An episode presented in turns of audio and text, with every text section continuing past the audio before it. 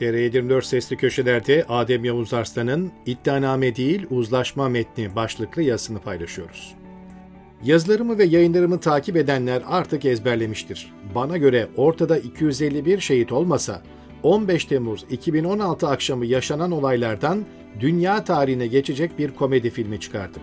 Çünkü iki adım geriye çıkıp yaşananlara bir bütün olarak baktığınızda karşınızda iktidarı devirmeye yönelik bir darbe girişiminden çok kesinlikle başarısızlığa kurgulanmış absürtlükler bütünü bir dizi olay görüyorsunuz.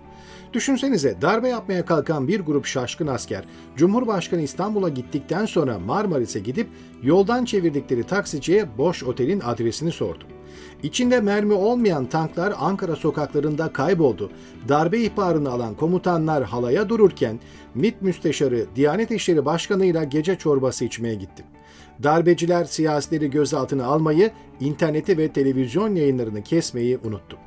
Konumuz 15 Temmuz'da olmadığı için şimdi oturup bu absürtlükleri sıralayacak değilim. Bu konuya ilgi duyan şuradan her şeyi detayıyla okuyabilir, dinleyebilir. Peki Necip Hablemitoğlu iddianamesini ele alan bir yazıya ben neden böyle bir giriş yapma ihtiyacı hissettim? Cevabı aslında basit.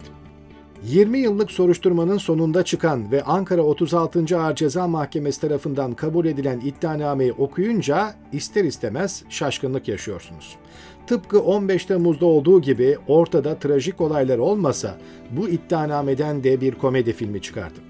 Savcı Zafer Ergün'ün 10 sanıklı ve yaklaşık 400 sayfalık iddianamesine dair birden fazla analiz yapmayı planlıyorum. Çünkü hak ediyor. Ancak bu yazıda genel bir değerlendirme yapacağım. İddianamenin özü, özeti şöyle. Ankara Üniversitesi öğretim üyesi doçent doktor Necip Hablemitoğlu MİT müsteşarı olmak istiyordu. Bir yandan da Gülen cemaati ilgili kitap yazıyordu. Cemaat bu kitaptan rahatsız oldu.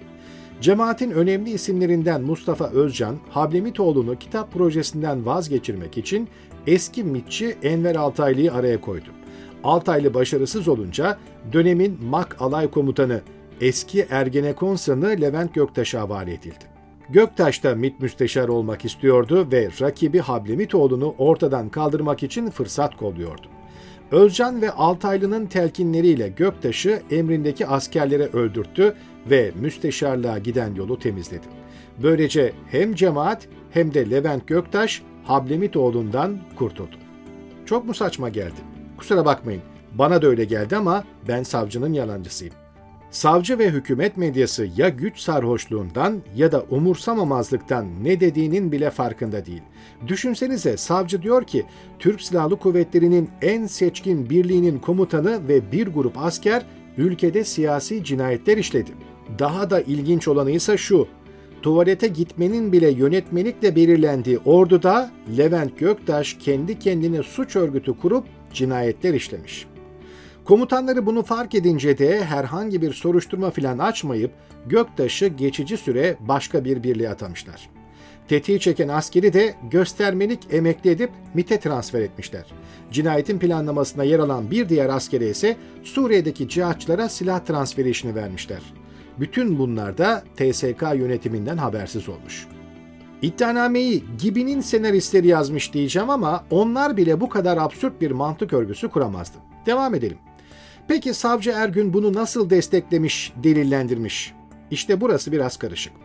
Günümüzün tüm cemaat ve darbe davaları gibi iddia, kanaat var ama delil yok. Bir bütün olarak baktığınızda karşınızda bir iddianame değil, uzlaşma metni var diyebilirim.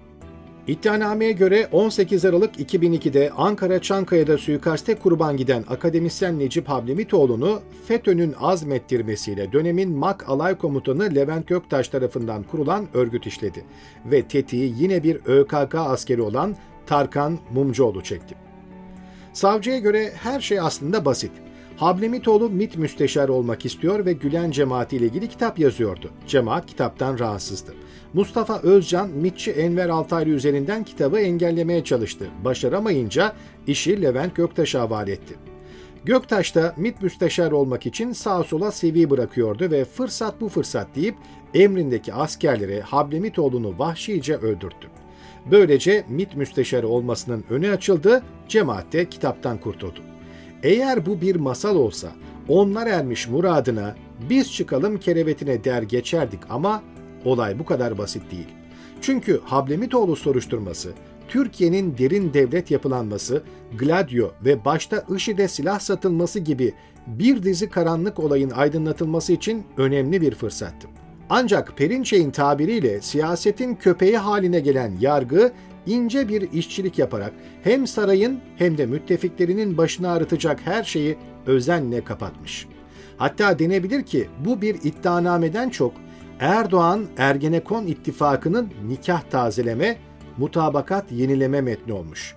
Taraflar şimdilik kılıçlarını kınına koymuş. Konu önemli.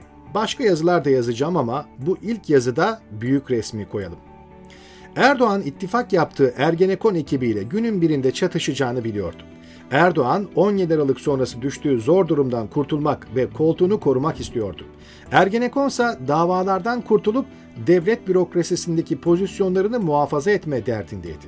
Her iki taraf istediğini aldı. Erdoğan yolsuzluk soruşturmalarından kurtuldu, tek adam rejimini inşa etti, Ergenekon ekibi de cezaevinden çıkıp bürokrasinin tepe noktalarına çöreklendi. Hatta bu kirli ittifak 15 Temmuz'a giden yolun taşlarını özenle döşedi.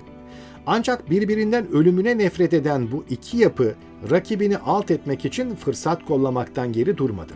Erdoğan usta bir siyasetçi olduğu için Ergenekoncuları suya götürüp susuz getirdi ve Hablemitoğlu soruşturmasını tozlu raflardan indirerek rakiplerine karşı etkili bir silaha dönüştürdü.